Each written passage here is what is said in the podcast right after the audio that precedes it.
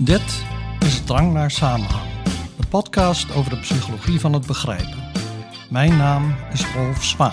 En ik ben Anita Eerland. Ja, ik weet niet of jij dat dus ook hebt, maar ik merk dat ik steeds meer moeite heb met langere tijd mijn aandacht ergens bijhouden bij een taak. Ja, dat heb ik misschien ook wel. Ik heb het altijd wel gehad, moet ik zeggen. Maar uh, misschien heb ik het nu meer dan vroeger. Dat zou heel goed kunnen. Ja, we hebben het daar wel eens eerder over gehad. Over Ja. het lezen van een artikel in één keer. Dat ik dat vroeger wel kon, maar nu eigenlijk niet meer. Dat ik dan steeds afgeleid ben. Ik heb dat, eh, ja, met, met sommige dingen. eh, artikel lezen, dat gaat dan nog wel. En ik heb laatst ook ehm, tentamenvragen moeten maken. En toen eh, viel het me op hoe lang ik daar geconcentreerd mee bezig was. Ook al vind ik het een hele vervelende taak. Maar over het algemeen heb ik dat niet. Dat ik inderdaad voor langere periodes iets kan doen. Ik heb vaak ook het tweede scherm, wat, hè, zoals ze dat noemen. Dat je dus, dan zit je te kijken naar voetbal, maar je zit niet echt op te letten. Want ondertussen zit je iets anders te doen op je laptop. Oh, ik dacht dat je iets anders bedoelde met een tweede scherm. Dat je. Dat is namelijk iets wat ik doe om te voorkomen dat ik afgeleid word. Ik heb meestal een eh, browser open met heel veel verschillende tabbladen. Maar als Oh. ik echt iets moet doen waar ik mijn aandacht bij moet houden, dan open ik een tweede scherm. Ehm, een tweede venster eigenlijk, Ah, ja. zonder al die tabbladen. Want Nee. dat zorgt er dan voor dat ik niet afgeleid word. Dan zie je niet dat icoontje van je mail bijvoorbeeld. Nou, maar ik, ik dacht dat het, de, term eh, tweede scherm eigenlijk eh, eh, aangeeft dat je dus nog een ander scherm, je telefoon of je laptop hebt naast bijvoorbeeld de tv. En soms kijken mensen twee voetbalwedstrijden tegelijk of zo, maar ik zit dan heel iets anders te doen. En ik merk dat ik dat wel best wel vaak heb.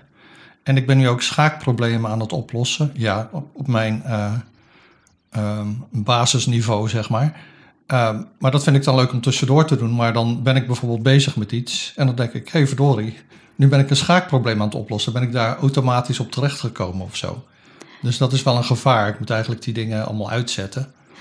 Ja, dus al die voorbeelden waar we het nu over hebben gehad, die laten zien dat je soms bezig bent met een taak en dat er dingen zijn in de omgeving die je daarvan eh, af kunnen leiden.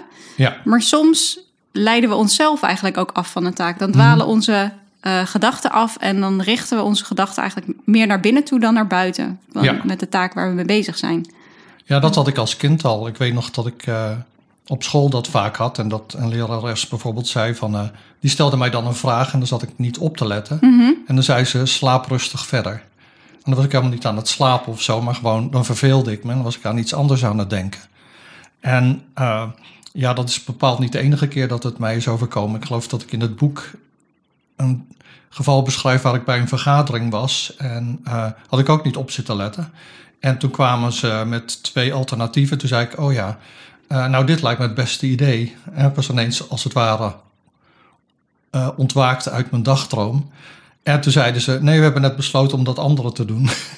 en dat is wel... Daarmee ja, viel je dus wel meteen door de mand. ja, precies. En ik heb dat dus, dat dagdromen best wel vaak. Ja, en dat fenomeen, dus dat je eigenlijk jezelf afleidt, dat je je gedachten weggaan van de taak waar je mee bezig bent naar iets binnenin, Mhm. dat heet mind wandering. Ja. En daar gaan we het vandaag over hebben. Ja, dat klopt. En eigenlijk is mind-wandering dus iets eigenaardigs. Want we leven in de wereld en er zijn allerlei mogelijke gevaren om ons heen. Ehm, maar toch sluiten we ons soms af, af voor die wereld en richten we onze aandacht naar binnen. En eh, hè, onze ervaring van de wereld is eh, vloeiend. Dus je hebt de ene gedachte naar de andere. Je springt van de ene gedachte naar, naar de andere. Maar sommige zijn gericht op de buitenwereld. Ja, En dat zou je eigenlijk verwachten dat dat altijd zo is, als je er hè, kort over nadenkt. Maar in feite is het dus zo dat je heel vaak met je gedachten niet bij het hier en nu bent. En eh, die aandacht verschuift dus de hele tijd van de ene gedachte naar de andere. Het is alsof je op eh, een rivier oversteekt en van de ene steen op de andere springt. ja en niet alleen van de ene gedachte op, op de andere, maar dus ook van buiten naar binnen. Ja, ja. En dat gebeurt dus eigenlijk best wel vaak. Mensen hebben een schatting gemaakt. Het is wel eh, een beetje op een bierveeltje, zeg maar. Maar we weten dat een gedachte ongeveer vijf seconden duurt, gemiddeld. Een Dat is echt super kort. Ja, ja. En je bent eh 16 uur per dag wakker. Dan heb je dus ongeveer 4000 gedachten. En we weten ook uit onderzoek dat er een schatting is dat de helft van alle eh, gedachten, dat zijn afdwalingen, hè, waar je dus niet gekoppeld bent aan je onmiddellijke omgeving. Dus dat betekent dat je 2000 afdwalende gedachten per dag hebt. Dat zijn Ja. er behoorlijk veel natuurlijk. Ja, En eh, nou ja, dan is de vraag natuurlijk, waar heb je dat nodig voor? Hè, wat kun je ermee? ja, dat is een hele goede vraag. Ik heb ook een andere ehm, manier van de schatting gezien. Want dan denk ik, 2000 afdwalende gedachten per dag. Dat klinkt als superveel. Ja, Maar ja, als een gedachte maar vijf seconden duurt, dan valt het misschien ook wel weer mee. Ehm, de schatting die ik heb gelezen gaat uit van het, pro- eh, het ja, percentage tijd per eh, dag Mhm. van de uren dat we wakker zijn, dat we dus aan het mind wanderen zijn. Dus dat onze gedachten afdwalen. En die schatting komt uit op zo'n 25 tot 50 procent. Dat is natuurlijk ook een hele grote range. Mhm. Maar toen dacht ik wel, dat betekent dus dat je mogelijk de helft van de tijd dat je wakker bent, ja, eh, dat je gedachten afdwalen. ja. Nou, dat hebben die dingen dus met elkaar over, overeen. Eh, dat, dat hebben ze met elkaar gemeen. Wat, jij zei Ja, en wat ik zei, hè, de, ongeveer de helft, dat is zo de schatting. Het is gewoon een andere manier om erover na te denken die Ja, eh, voor mij meer informatief is. ja. En terwijl je aan het praten was, was ik even aan het mind wanderen. Want eh, ik bedacht Of ineens van... Gelukkig duurde het maar vijf seconden. ja, nou ja, maar over die vijf seconden dus. Ehm, ik zat te denken van gemiddeld eh, kost het lezen van een woord 250 milliseconden. Dus dat betekent dat je vier woorden per seconde leest, gemiddeld hè. Mhm. En eh, dat betekent dus dat je dan 20 woorden kunt lezen in vijf seconden. Nou ja, ehm, laten we zeggen dat een woord uit een zin uit tien woorden bestaat, dan zou een gedachte dus ongeveer twee zinnen zijn. Ja, dat is niet heel veel. Dat kunnen toch niet echt diepe gedachten nou, zijn zoiets dan? van, ik heb eh, zoiets van, ik heb zin in pannenkoek vandaag. Punt. Maar we hebben geen eh, mail. Of nee, wat heb je nodig? Beslag. Ja, daar- maar daar gaat mail in. Ik moet naar de winkel. Nou ja, dat soort dingen. Dat, is dan, dat zou dan een gedachte kunnen zijn. En daarna ga je weer verder met de vergadering of zo. Ja. Ja. dat is wel een goed voorbeeld dat je geeft. Want je, je vroeg eerder, waar gaan die gedachten dan over? Of waar hebben we dat eigenlijk voor nodig? Want Mhm. Ja. inderdaad, het is, lijkt relevanter om bezig te zijn met je omgeving... en mogelijk gevaar eh, in de gaten te houden. Ehm, uit onderzoek blijkt dus als we... Als onze gedachten afdwalen, dat we dan vaak bezig zijn met nadenken over de toekomst. Ja. En de doelen, dus wat we willen, bijvoorbeeld pannenkoeken.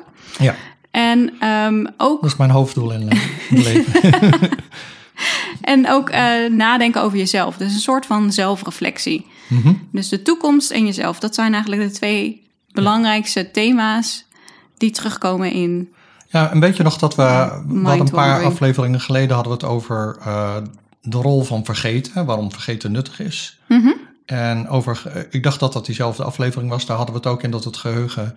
ehm, nou, dat onze herinneringen vaak gericht zijn op de toekomst. Of zit ik er daar nu naast? Hebben we het daar niet over gehad? Dan heb ik het erover gehad met mijn studenten in de cursus.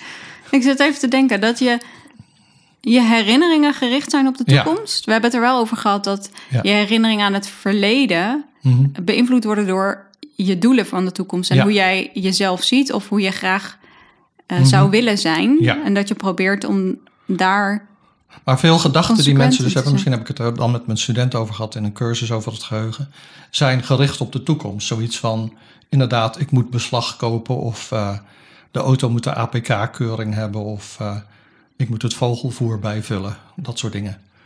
Eh, dat, zijn, dat, dat heet dan prospective memory. Dus geheugen voor dingen die je nog moet gaan doen. En ik denk dat eh, waar we het nu over hebben, dat afdwalen, dat zijn ook vaak gedachten over dingen die je nog moet of wil gaan doen. Mhm. Ja, dat klopt. Ja, Dat je denkt, oh, ik moet niet vergeten om straks nog dit of dat te doen. Boodschappen te bestellen of ik weet niet wat. Ja, dat klopt. Nou ja, dat zijn dus de, de twee hoofdthema's van eh, onze afdwalende gedachten.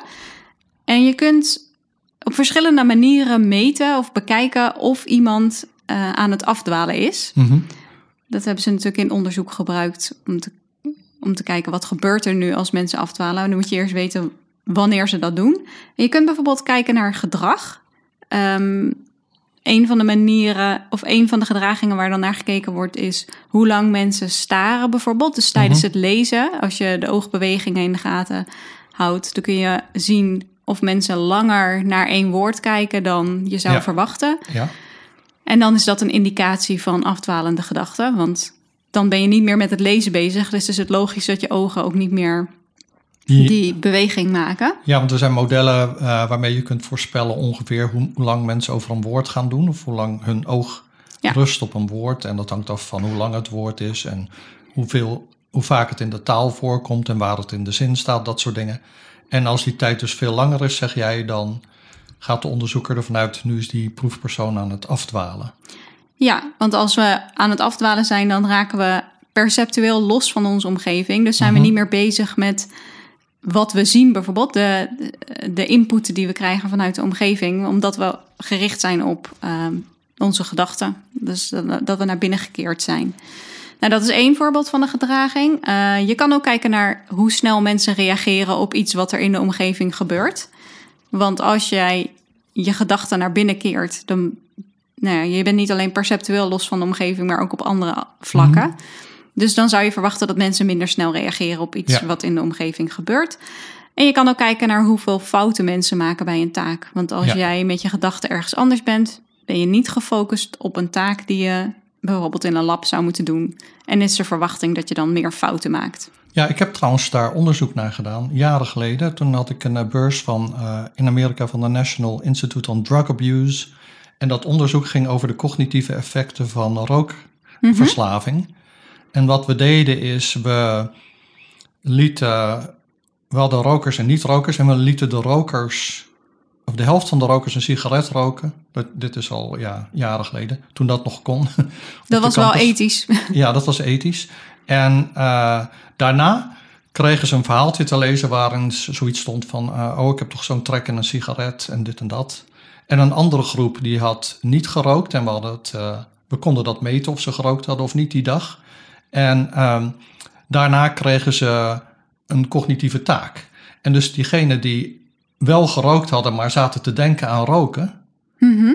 En, de, en die andere rokers ook, die, eh, die deden die taak allemaal minder goed dan de niet-rokers.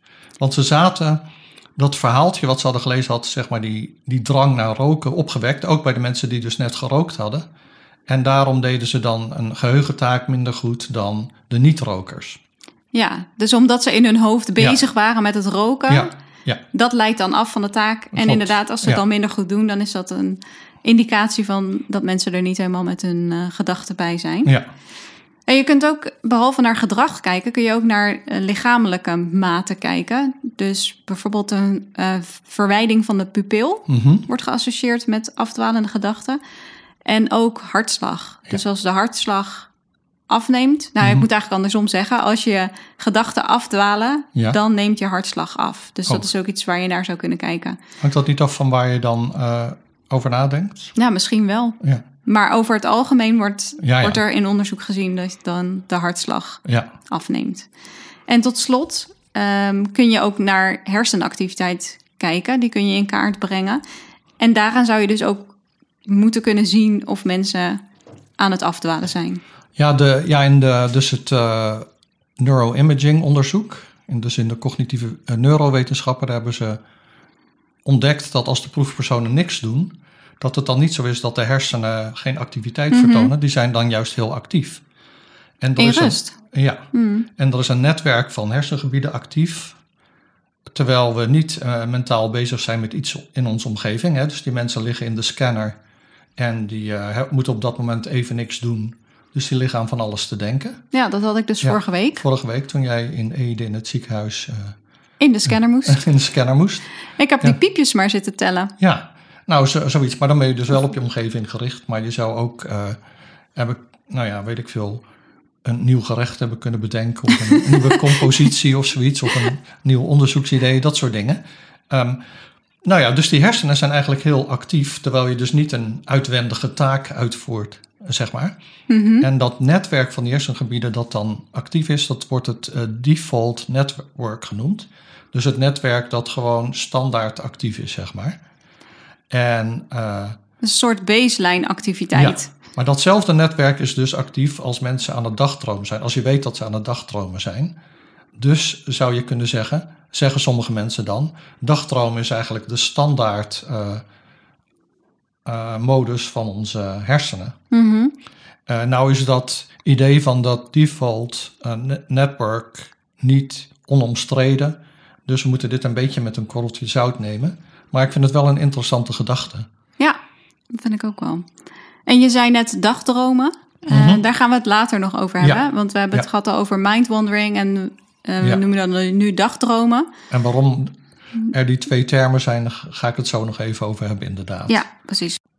Ja, nu zei je dat als onze gedachten afdwalen, dat we dan een hersenactiviteit zien die overeenkomt met het default netwerk ja. of de default activiteit.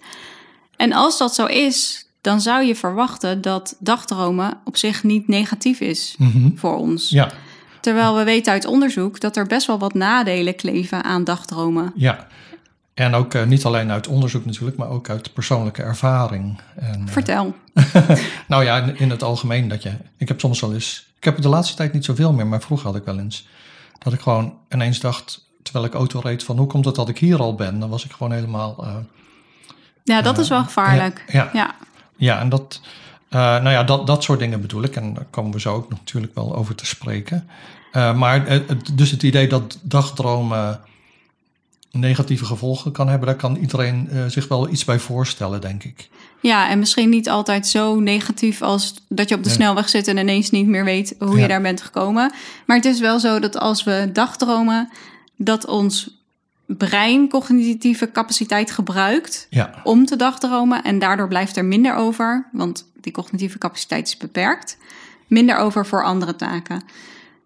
Dus ja, dan kan het zo zijn als jij in, in een kamer zit en je bent aan het dagdromen, dat je niet merkt dat er iemand binnenkomt. Mhm. Of dat je het niet ja. hoort als er een ambulance met een sirene voorbij rijdt, bijvoorbeeld. Gewoon omdat je ja. Ja, daar geen aandacht voor hebt op dat moment. En we worden ook minder goed in de taken die we aan het doen zijn wanneer we aan het dagdromen zijn. Dus als je aan het lezen bent en je gedachten dwalen af, ja, dan onthoud je minder goed wat je leest op dat moment. Je Ja. neemt het minder goed in je op. Je onthoudt het ook minder goed. Dus ja, we kunnen niet alles tegelijk doen. En als we aan het dagdromen zijn, gaat daar gewoon heel veel energie naartoe. En mindwandering wordt ook gezien als een eh, verstoorde activiteit met negatieve gevolgen voor onze stemming. Ja. ja, daar komen we zo ook nog denk ik wel iets eh, meer over te spreken. Maar ik wou het nog even hebben over die, eh, dus die cognitieve effecten. Mhm. En het is bijvoorbeeld in het onderwijs ook zo, he- heeft onderzoek aangetoond dat, eh, nou ja, dat afdwalen eh, schadelijk is, zeg maar. Hè? Want het kan een begrijpend lezen ondermijnen. Mhm. En ook het, het bijwonen van colleges, wat voor ons natuurlijk zeer relevant is. Ja, ja, je ziet het ook vaak aan, aan studenten. En, en nu, nu geef ik mijn colleges dan online, maar toen ik dat nog niet deed, dan kon ik gewoon zien, deze student zit nu niet op te letten. En dan ging ik altijd al pratend dichter bij die student staan. En dan gingen ze ineens en dat hebben ze dan dus niet door, omdat ze Nee. aan het dagdromen Ja, dan zijn. schrikken ze ineens Ja. en dan, eh, ja. Ehm, maar goed, en ook en zelfs, eh, dat is voor studenten natuurlijk ook belangrijk, bij het, eh, bij het, het nemen van een, of het doen van een examen, of een tentamen, dan van repetitie op school. En nou ja, ik had het al over autorijden, dus eh, er is onderzoek dat duidelijk aantoont dat automobilisten gevoelig zijn voor afdwalen. Mhm. En dan eh, zijn ze minder snel in het reageren op bepaalde dingen. En ze houden ook minder afstand. En dan is het zelfs zo dat mensen die expert zijn op een gebied, bijvoorbeeld, eh, laten we zeggen, piloten, Mhm. die, zijn ook, die dwalen ook wel af in hun gedachten dan, hopelijk niet met de Eh, koers. daar wil je niet over nadenken als je in een vliegtuig zit natuurlijk. En, en dat hebben ze dus onderzocht in een eh, eh, full-motion vluchtsimulator van een Boeing 747. En wat piloten zeiden, hè, want ze moesten dan achteraf zeggen van eh, dwaalde je af en zo. Ze dwaalden vooral af wanneer ze zaten in een vluchtsegment segment dat, dat ze goed kenden of zo, of dat makkelijk was. En als ze wat meer moeite hadden, dan hadden ze dus niet zo'n last van afdwalen. Ja, ik- ze hadden ook meer last van afdwalen als ze de rol hadden van piloot. Nee, minder. Als ze piloot waren dan co-piloot. Want de co-piloot heeft dan iets minder verantwoordelijkheid. Mhm. Dus die is dan meer geneigd om af te dwalen. Dat is op zich ook wel logisch, want als jij bezig bent met een taak die veel aandacht vraagt, dus als Ja. je inderdaad in een moeilijker stukje, wat zei je, segment, Ja, is- aan het, eh, aan het vliegen bent, ik Mhm. heb daar geen verstand van, maar dan weet je dat je heel goed op moet letten. Dus daar gaan heel veel Ja. gaat veel cognitieve capaciteit naartoe, dan blijft er natuurlijk ook minder over om af te dwalen. Ja, dus het werkt waar. natuurlijk beide kanten op. Als je aan het afdwalen bent, is er minder voor Mhm. andere taken. Maar als je een taak hebt die heel veel vraagt en waarvoor je dan ook Ja. gemotiveerd bent om dat goed te doen, ik denk dat dat wel belangrijk is, Ja. dan blijft er minder over om eh, te dagdromen. Dus dan, ja, dan gaan je gedachten ook misschien minder snel afdwalen. Nou, dat klopt. En, en, en wat er ook eh, gezegd wordt, is dat dus die, die afdwalingen die dan die piloten en co-piloten hebben, eh, die zijn niet bijzonder storend. Want ze slagen er toch wel in om de taak goed uit te voeren. Maar ik zit nu ook te denken aan skiën. Ik val bijna nooit, maar als ik wel eens val, dan komt het omdat ik aan het dagdromen ben. Dus ik weet gewoon dat ik eigenlijk constant op moet letten. Mhm. En eh, niet zozeer op andere mensen, maar hoe je de bocht inzet en zo. Dus ik ben daar altijd wel bewust mee bezig. En eh, dat helpt heel erg. Dat is gewoon ook zo'n activiteit waarin je het je niet kunt veroorloven om te dagdromen. Maar als je, dat, als je het idee hebt dat je het je wel kunt ver- veroorloven, dan gebeurt het ook eh, vaker. En dat is dus bij die co-piloot dan zo. Die, die taak is gewoon niet moeilijk genoeg, zoals jij zei. Ja, Dus dan- precies. Ja. dus als een, inderdaad, als een taak moeilijk is, als je weet dat je het goed moet doen en daar gemotiveerd voor bent, dan ben je daar zo op gefocust. Dan kun je, nou, misschien kun je niet altijd voorkomen dat je gedachten afdwalen, maar Mhm. ik denk dat dat wel een goede ja, bescherming is of zo daartegen. Er waren Ja. ook, no- ook nog twee eh, ehm, ja, korte bevindingen die ik ook wel grappig vond. Namelijk dat ehm, het eh, dagdromen, dat Ja. dat gekoppeld wordt aan lagere IQ-scores. Dus op het moment dat je aan het dagdromen bent, eh, dan lijkt het dus net alsof wanneer je aan het dagdromen bent, dat je dan ineens dommer wordt of zo. maar dat komt natuurlijk gewoon door de manier waarop wij intelligentie meten. Ja. En Ja. er zijn taken die gebruik maken van het eh, werkgeheugen. Ja. Nou ja, die taken doe je minder goed en dan krijg je dus een lagere score. Maar ja, ik vond het op zich wel grappig dat ze dan zeiden dat je een lagere intelligentie zou hebben als je aan het, het dagdromen bent.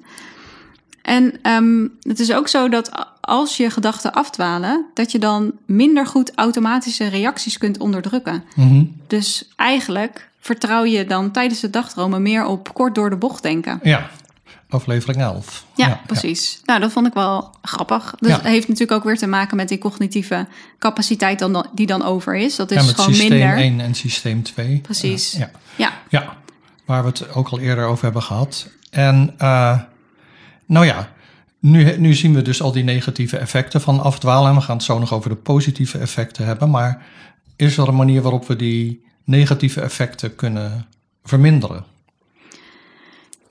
Ja, er is onderzoek gedaan om te kijken of mindfulness oefeningen of die helpen tegen afdwalende gedachten. Mhm. En dat is eigenlijk een hele logische keuze om Ja. daarnaar te kijken, omdat je bij mindfulness oefeningen heel erg bezig bent met het hier en nu. Dus je focust je op wat je op dat moment hoort of ziet of ruikt en voelt. Je moet, ja, je moet in het moment zijn. En ik heb een paar keer van dat soort oefeningen gedaan. Ik ben er niet heel erg goed in, moet ik zeggen. Maar er wordt altijd gezegd dat ehm, je niet krampachtig moet proberen om je gedachten hier te houden. Dus je moet je gedachten wel de ruimte geven. Maar op het moment dat je merkt dat je gedachten afdwalen, moet je ze gentle, gently weer terug eh, naar het hier en nu brengen. En hoe doe je dat dan? Ja, nou ja, dat is dus iets wat je moet oefenen. Dus je Oh. moet er denk ik niet van in de stress schieten als je denkt... shit, nu ben ik met mijn boodschappenlijstje bezig... terwijl ik Ja. moet focussen op hoe ik hier eh, op een houten vloer zit. maar gewoon, oh, ik ben aan het afdwalen, ik ga weer terug, zoiets. Oh ja. Nou ja, en Ja. Dat, dat kun je dus wel trainen... zodat je er steeds beter in wordt. Mhm. En dat helpt dus wel om afdwalen te voorkomen. ja kan Of tenminste. Ja. Niet per se voorkomen. Ja, als je er heel goed in bent, waarschijnlijk wel. Maar het zorgt er wel voor dat je misschien minder lang aan het afdwalen bent. Want zodra je dat merkt, dan ga je weer terug naar het hier en nu. Ja, ja. Inderdaad. Nou ja, en, en, en zo kun je dan dus de tegen, ehm, of de, de nadelen van afdwalen of mind wandering of dagdromen misschien verminderen. Maar een belangrijke vraag is ook, zijn er nog voordelen Ja, Hè? je zou denken van wel, toch? Ja, als je er zoveel eh, cognitieve energie aan besteedt, hè, ehm, of letterlijk energie, je, je hersenen verbruiken heel veel energie. En als je dus eh, die ook verbruikt terwijl je niks doet eigenlijk, fysiek, dan is dat... eh, Ja, dat Nou zou niet ja. nuttig zijn, niet Nee. adaptief. Nee, precies. Ehm, nou ja, we hadden het over dingen die niet zo negatief kunnen zijn. En een voorbeeld daarvan is bijvoorbeeld ook rumineren. hè, Dat je de hele tijd maar denkt over iets wat jou overkomen is. Eh, misschien heb je post- posttraumatische stressstoornis of eh, OCD of, of mensen met depressie. Die, die zijn vaak aan het rumineren. Dus die hebben dan eh, gedachten die vaak over het verleden gaan. En die zijn niet productief op zich. Daar heb je niet zoveel aan, zeg maar. Mhm. En onderzoek laat zien dat deze klinische populatie aan één kant van het spec- spectrum zit. Dan in het midden heb je de niet-klinische populatie. En dat zijn mensen die wel eens productieve gedachten hebben. Of onproductieve hè, afdwalingen. En dan heb je aan het andere eind van het spectrum heb je creatieve mensen. Die hebben dus eh, ook veel afdwalende gedachten, maar die zijn over het algemeen meer productief. Hoe zit dat dan precies? Nou, ze hebben dus een studie gedaan, hebben ze gekeken naar professionele schrijvers en natuurkundigen. En die moesten twee weken lang elke avond een vragenlijst invullen. En dan eh, moesten ze zeggen of ze die dag creatieve ideeën hadden. En zo ja, waar had je dat crea- creatieve idee en hoe goed was dat idee? Dat lijkt me echt moeilijk om van jezelf te beoordelen. Eh, ja, maar misschien, nou, ik denk voor een schrijver of een natuurkundige dat dat eh, best wel mee, dat het best wel te beoordelen is, toch? Van, ik had nu een go- goed idee voor hoofdstuk 8, of kon in één keer dat hele hoofdstuk schrijven. Zoiets. Of ik had, eh, nou ja, ik kan zelf even niet ter plekke een natuurkundige ontdekking doen, maar Dat zou wel leuk zijn. ja, dat zou. Nee, het li- maar het lijkt me gewoon moeilijk als je... Nou ja, zelfrapportage is altijd problematisch. ja, tuurlijk. Maar dat je mensen Ja. gaat vragen... Ook mensen in beroepen waarvan verwacht wordt dat je creatief bent. Van, Ja. had je vandaag nog een goed idee en hoe goed was dat idee? Nou, ik, ik sprak gisteren met een eh, voormalige student die nu universitair docent is in Utrecht. En eh, hij zei dat hij nog wist dat ik vroeger zei van. eh, dat je vaak goede ideeën hebt als je onder de douche staat of zo. Maar dat is ook echt zo. Als je, vind ik zelf dan. Hè? Hoe goed mijn ideeën zijn, is dan even nog een andere vraag. Maar ik heb die wel vaak als ik iets anders aan het doen ben. Ja, Eh, als je gedachten of- afdwalen. Ja, dat ja. Is, ja, dat is zo. En dat heeft ook weer te maken met iets waar we het al eerder over ge- gehad hebben. Eh, eh, bij problemen oplossen. Volgens mij was dat aflevering, die af, aflevering 2 of zo over puzzels. De Eh, aha-ervaring. Drie. Oh, drie. Ja. De aha- aha-ervaring. Dat je soms als je een probleem probeert op te lossen, dan zit je in een impasse. Mhm. En dan ga je er even van weg en dan kom je terug en ineens, hop, eh, ben je als het ware uit het mentale karrenspoor en kom je wel met een idee. En dat, eh, dat, dat kan dan bijvoorbeeld als je iets heel anders aan het doen bent dan achter je bureau zitten. En ik weet ook nog dat mijn promotor tegen me zei destijds van, eh, ja, als het even niet gaat, dan ga je gewoon wandelen en dan kom je later terug. En, en dat heb ik ook altijd wel een beetje ter harte genomen. Ja, dat is een eh, goed advies. Maar je was aan het vertellen over die studie met eh, professionele schrijvers en natuurkundigen die zelf mochten beoordelen Mhm. hoe vaak Oh ja. eh, en hoe goed hun creatieve ideeën waren op een dag. Ja, nou ja, een van de bevindingen was dat ruim 40% van de creatieve ideeën die, die die mensen dus hadden, dat was toen ze bezig waren met iets anders, dat niet met het werk gerelateerd was. Of ze waren aan het denken aan iets anders dan het onderwerp van hun studie of creatieve activiteit. En ehm, die ideeën die, die, die dan boven kwamen hè, tijdens het eh, eh, afdwalen, die waren op zich niet per se creatiever dan andere ideeën, maar dat was wel zoals het een soort aha-ervaring was. Hè. En dat is waar we het over hadden in aflevering 3. Van eh, sommige problemen, zoals een staardeling, die los je stap voor stap op. Maar bij andere problemen is het zo dat ineens zie je het. Ja, dan heb je Ja. het inzicht. Ja, Ja. Oké. Ehm, misschien goed om nu even te hebben over eh, afdwalende gedachten versus dagdromen. Ja. Want we hebben die twee termen door elkaar heen gebruikt. En Ja. je hebt in het begin al aangekondigd dat we daar later op terug zouden komen. Mhm, ge- ja. Dus Goed dit lijkt me een goed moment. Ja, goed punt. Nou ja, wat mij dus opviel was, eh, in het voorbereiden voor deze aflevering dat je artikelen hebt in de cognitieve psychologie en in de sociale psychologie. De cognitieve psychologie kijkt meer puur naar denkprocessen en de sociale psychologie naar de persoon in, interactie met, met anderen. Mm En de cognitieve psychologen die zeggen mind wandering. En de sociale psychologen hebben het over daydreaming. En nou vind ik dat raar, want normaal in de wetenschap heb je gewoon één term voor iets. Want als je twee termen gebruikt, dan, dan gaan mensen denken van dat zijn dus twee verschillende dingen. Ja. Maar in de literatuur, in de cognitieve literatuur zie je altijd mind wandering en in de sociale meer daydreaming. En dus zelfs zoals dezelfde onderzoeker schrijft in een cognitief-psychologisch uh, tijdschrift, dan zegt hij uh, mind wandering. Uh, dus een onderzoeker die heet Jonathan Smallwood. En als hij schrijft in een sociaal-psychologisch tijdschrift, dan heeft hij het over daydreaming. Dus ik, nou ja, ik, ik vond het best wel typisch en ik dacht, hoe, hoe zit dat nou? En dat is uh, mijn speculatie, maar um, volgens mij is het bij de cognitieve psychologen zo. Die waren natuurlijk bezig met allemaal experimenten waarin ze wilden meten hoe, hoe goed mensen woordenlijsten konden onthouden of uh, hoe snel ze bepaalde dingen konden waarnemen. En dan merkten ze dat dat soms niet zo goed ging als voorspeld. En op een bepaald moment begonnen ze te zien: oh, die proefpersonen zijn afgeleid van de taak. Mhm. En dat is voor die cognitieve psychologen aanvankelijk was dat heel vervelend natuurlijk. Want die, die wilden gewoon dat die proefpersoon als een soort robot... Doet wat de instructie ja. Uh, was. Ja, en zo gaat het meestal niet. Dus dat afdwalen werd eerst gezien als een, uh, nou ja, iets, iets vervelends. Maar later is er de, heeft men dus gezegd van... oh, dat is eigenlijk wel een interessant onderwerp. En zo is dat denk ik gegaan bij de cognitieve psychologen. En de sociale psychologen die zijn sowieso al meer gericht op de, de maatschappij. En uh, die observeren dan dat sommige mensen uh, af, afdwalen. En daar, daarvoor gebruiken zij dan de term dagdromen. En zo is dat denk ik dan een beetje gekomen. Maar als je dus naar de literatuur gaat zoeken, als je zoekt op uh, wat ik eerst had gedaan, mind wandering, dan vond ik dus niet bepaalde artikelen die ik wel vond onder daydreaming. Terwijl in dat artikel zelf wordt wel gezegd, die termen betekenen ongeveer hetzelfde.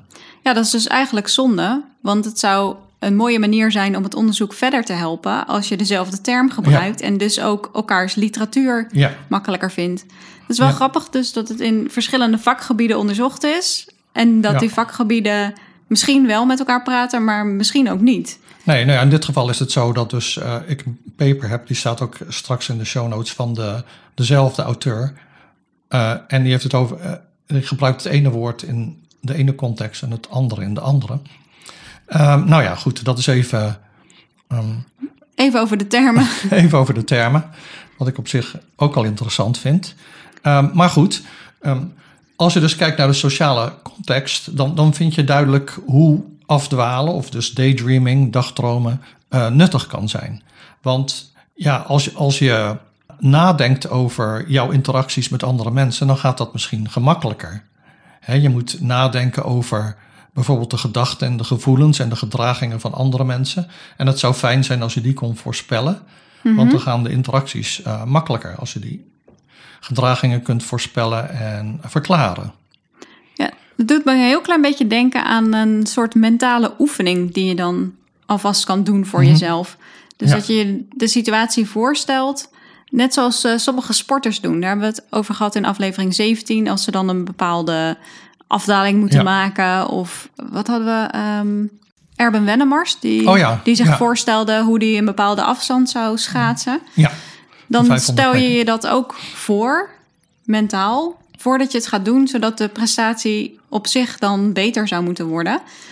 En het komt, we hebben het er ook eerder over gehad uh, in aflevering 26, over waarom uh, we zo nieuwsgierig zijn. En toen hebben we het heel even gehad over waarom het zo fijn is, of waarom veel mensen het fijn vinden om naar misdaadseries te kijken.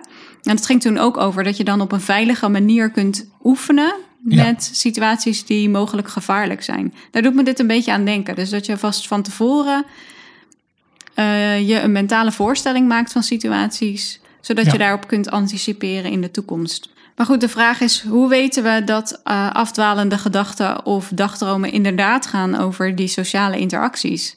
Ja, mag ik nog even eerst uh, uh, nog een ander voorbeeld noemen, een andere link met een eerdere aflevering, eh, eigenlijk twee afleveringen, de originele af- aflevering en een update, over is het lezen van literatuur nuttig of zo. En het idee eh, van onderzoekers bij het lezen van literatuur is ook dat je simulaties uitvoert van bepaalde so- sociale situaties, die jou dus dan van pas kunnen komen wanneer Ja. je daadwerkelijk in zo'n situatie belandt. Nou, dus we hebben het eigenlijk al eh, best wel vaak in verschillende afleveringen over de voordelen van dit soort simulaties gehad. Ja, ja, precies. Hoe we dat gebruiken. Ja. Ja. En nou ja, je, je kan de sociale eh, wereld zien, laten we zeggen, als een gebied waar je doorheen moet eh, navigeren. En daarvoor gebruik je bepaalde eh, psychologische processen. Je probeert het perspectief van een ander te nemen, bijvoorbeeld. Om, om te, te voorspellen wat ze gaan zeggen wanneer jij kritiek levert of wat dan ook. En wat, wat we al eerder zeiden, dat dat eh, default network actief is tijdens eh, niets doen. In de scanner althans. Hè, of fysiek ni- niets doen. En eh, nou ja, wanneer mensen aan het dagdromen zijn. Dus dat suggereert dat dagdromen een, misschien wel een adaptieve vorm van sociale cognitie is. En daar is dus niet alleen eh, brain imaging of neuroimaging onderzoek dat dat ondersteunt, dat idee. Maar er is ook meer beschrijvend onderzoek. Ehm, er is een onderzoek gedaan onder bijna 18.000 mensen. Zo. En eh, die werden dan gevraagd van, eh, nou ja, hoe denk je, of dagdroom je wel eens enzovoort. En waar gaan ze dan over? En driekwart gaf- gaf aan dat die dan vaak of altijd gingen over sociale situaties. En toen hebben ze ook nog eh, een techniek gebruikt die heet experience sampling. Dat is bijvoorbeeld waar eh, mensen een app op hun, hun iPhone of zo installeren. En dan, eh, die is gemaakt door onderzoekers en die piept dan op een bepaald moment. En dan moet je invullen waar je op dat moment dan over denkt. Dus Ja. dan krijg je meer, een meer onmiddellijke beeld van waar mensen mee bezig zijn. Ja. Zo op een dag. Dat is En- op zich wel goed, want dan hoef je niet achteraf na te denken over de hele dag van eh, heb ik nog eh gedagdroomd en waar ging dat over? Maar dat je inderdaad op dat moment wordt bevraagd. Meer een online maat. Ja, Zoveel mogelijk Zoveel in het proces online. zelf. Ja. ja. En eh, daar, uit dat onderzoek blijkt dus dat eh 71% van die dagdromen sociaal zijn. Dus, nou ja, dagdromen is voor een belangrijk deel sociaal. En eh, je, je beeldt je dus bepaalde interacties in met anderen. En dan heb je een, een interne dialoog met die persoon. Hè, als je iemand moet overtuigen van iets of... eh, Als je een probleem moet oplossen ja, of zo, zoiets. een Of conflict. je, ja, zoiets. Dan kun je dat als het ware simuleren. En dat is dus een vorm van dagdromen. En eh, die zijn dus vaak gericht op eerdere eh, interacties die je met mensen hebt gehad. Dus ik kan denken van shit, had ik maar dit gezegd of dat gezegd. Of had ik maar niet dit gezegd. en, eh, maar vaak dus ook op de toekomst. Van als ik dit zeg, dan valt dat waarschijnlijk wel goed. En als ik het zo zou zeggen, minder. En eh, nou ja, dat soort dingen. Daar heb je het dan over. Dat Met ik wel, jezelf. wel grappig, want toen je zei dat dagdromen heel vaak over sociale interacties gaan, toen dacht ik, nou volgens mij heb ik dat niet. Volgens mij denk ik alleen maar aan hele praktische dingen die ik zelf moet doen. Maar nu je dit, deze voorbeelden zo geeft, denk ik, ja, ik heb wel vaak dat ik dingen moet zeggen tegen mensen of dat ik eh, ze ergens over moet mailen. En dat ik dan dus nadenk, oh ja, als ik het zo zeg, hoe zou dat dan overkomen op die ander? En is dat ehm, wat ik ook eh, bedoel? Of is dat een reactie die ik liever niet wil hebben? Dus dat je dan inderdaad alvast gaat spelen met verschillende mogelijkheden en dan de beste Ja, eh, selecteert. Dus dan gaan mijn dagdromen toch ook wel ook over sociale processen. ja, en ik zit nu ook te denken dat het hoeft niet, eh, ehm, laten we zeggen, een fysieke interactie met een persoon te zijn. Het kan bijvoorbeeld ook zijn dat je iets aan het schrijven bent en dat je onder de douche staat en ineens denkt, oh ja, zo zou ik dat kunnen verwoorden. Dat soort dingen heb ik wel. Ja, dat heb ik ook Ja. best wel vaak. Ja. Dat ik niet weet hoe ik iets aan elkaar moet koppelen in een artikel, Ja. eh, in een inleiding of zo. En dan ineens denk, oh ja, maar als ik het nu zo doe of Ja. dit een beetje verschuif, dan past het volgens mij wel. Ja, Nou ja, en ook met de podcast hebben we dat de hele tijd. We moeten toch een structuur hebben natuurlijk. In, dus niet dat we zomaar wat willekeurig wat dingen zeggen. En die moet je dan toch ook eh, bedenken. En misschien gebeurt dat ook wel eens onder de douche, dat weet ik eigenlijk niet. Ehm, Oké, nou hebben we het dus gehad over positieve aspecten van ehm, dagdromen. En eh, vooral op het so- sociale vlak. En wat zijn dan de gevolgen daarvan? Nou, eh, dus vaker dagdromen over mensen in je naaste omgeving. Dat wordt in verband gebracht met een groter sociaal welzijn. Je ervaart meer steun en je bent meer tevreden met het leven. En meer frequent en eh, positief ingebeelde interacties worden ook geassocieerd met minder eenzaamheid en grotere tevredenheid over die relaties. Omdat je hebt kunnen oefenen in je hoofd. Ja, dus eh, eh, dat soort bevindingen komen overeen met het idee dat de hoeveelheid van eh, dagdromen die je doet en de inhoud daarvan een positief effect kunnen hebben op sociale relaties. Ja, Dan moeten we wel even een, kanttekening maken, en die is best wel belangrijk. Er wordt natuurlijk steeds gesproken over samenhang. Maar daarmee heb je nog niet een oorzakelijk verband. Dus je zou wel kunnen zeggen van, oh, dagdromen leidt tot eh, meer positieve, eh, een positieve levenservaring. Maar misschien is het wel omgekeerd. Misschien is het wel zo, als jouw leven positief is, dan heb je meer positieve gedachten daarover. ja. En eh, dat is dus nogal iets wat nader onderzocht zal moeten worden. Maar ja, inherent aan dat hele thema van mind-wandering en daydreaming is dat het niet zo gemakkelijk te onderzoeken is. Je hebt ge- gezegd van in die en die situaties kun je het herkennen dat iemand het aan het doen is. ja. Maar dan, als je dan gaat vragen van wat doe jij nu, dan verstoor je dat proces alweer. precies. Ja, Dus eh, het is niet zo gemakkelijk om op dat gebied onderzoek te doen. Dus het staat nog een beetje in de kinderschoenen, vind ik. Des, desondanks heb je, zijn er best wel veel interessante bevindingen. En wat ook wel leuk is om te zien, is hoeveel onderzoek er is op dit gebied. Nou ja, vooral Echt. als je die twee gebieden Ja. dus eh, allebei eh, ja. kunt bekijken. Als je weet, ik kan zowel naar mindwandering als naar dagdromen kijken. Ja, Dan is er inderdaad best wel veel. Het is wel vrij nieuw eh, onderwerp volgens mij. ja, Tenminste, niet in de zin van dat mensen weten dat het bestaat en dat het interessant is, maar wel dat er echt actief onderzoek naar gedaan wordt. ja, dat is misschien pas ja, 10, 15 jaar zo. Zoiets, denk ik. Ehm, nou ja, dan misschien tijd voor wat algemene conclusies. Dus een daarvan is, dagdromen op, op zich is niet per se goed of slecht. Het hangt ervan af waarover je dagdroomt. Ja, en het is vooral belangrijk om een goede balans te vinden tussen dagdromen en je focussen op een activiteit. Dus dat je weet wanneer je echt je volle aandacht bij een taak moet hebben en wanneer er ruimte is om af te dwalen. Nou, dat was de eerste aflevering vanaf de nieuwe tafel. Ja, ik ben blij dat we niet meer in de slaapkamer hoefden op te nemen.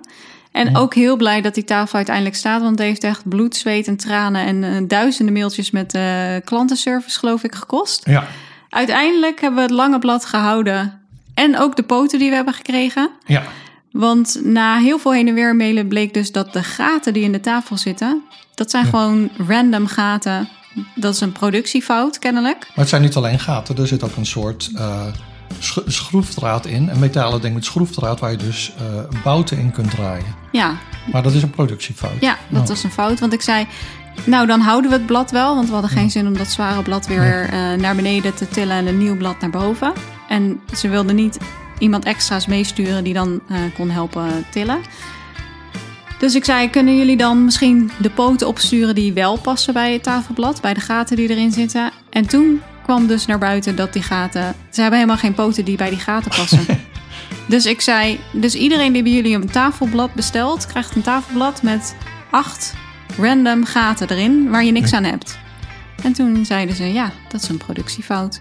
Maar goed, we hebben dus zelf de poten die we hadden eronder geschroefd in nieuwe gaten. Ja, En ik ja, ben super blij met eh, hoe die er nu uitziet. Je moet Ja. niet aan de onderkant kijken naar die eh, gaten, maar het is gewoon een het is soort... een, ja, het is een mooie tafel en we kunnen er lekker aan eh podcasten. ja.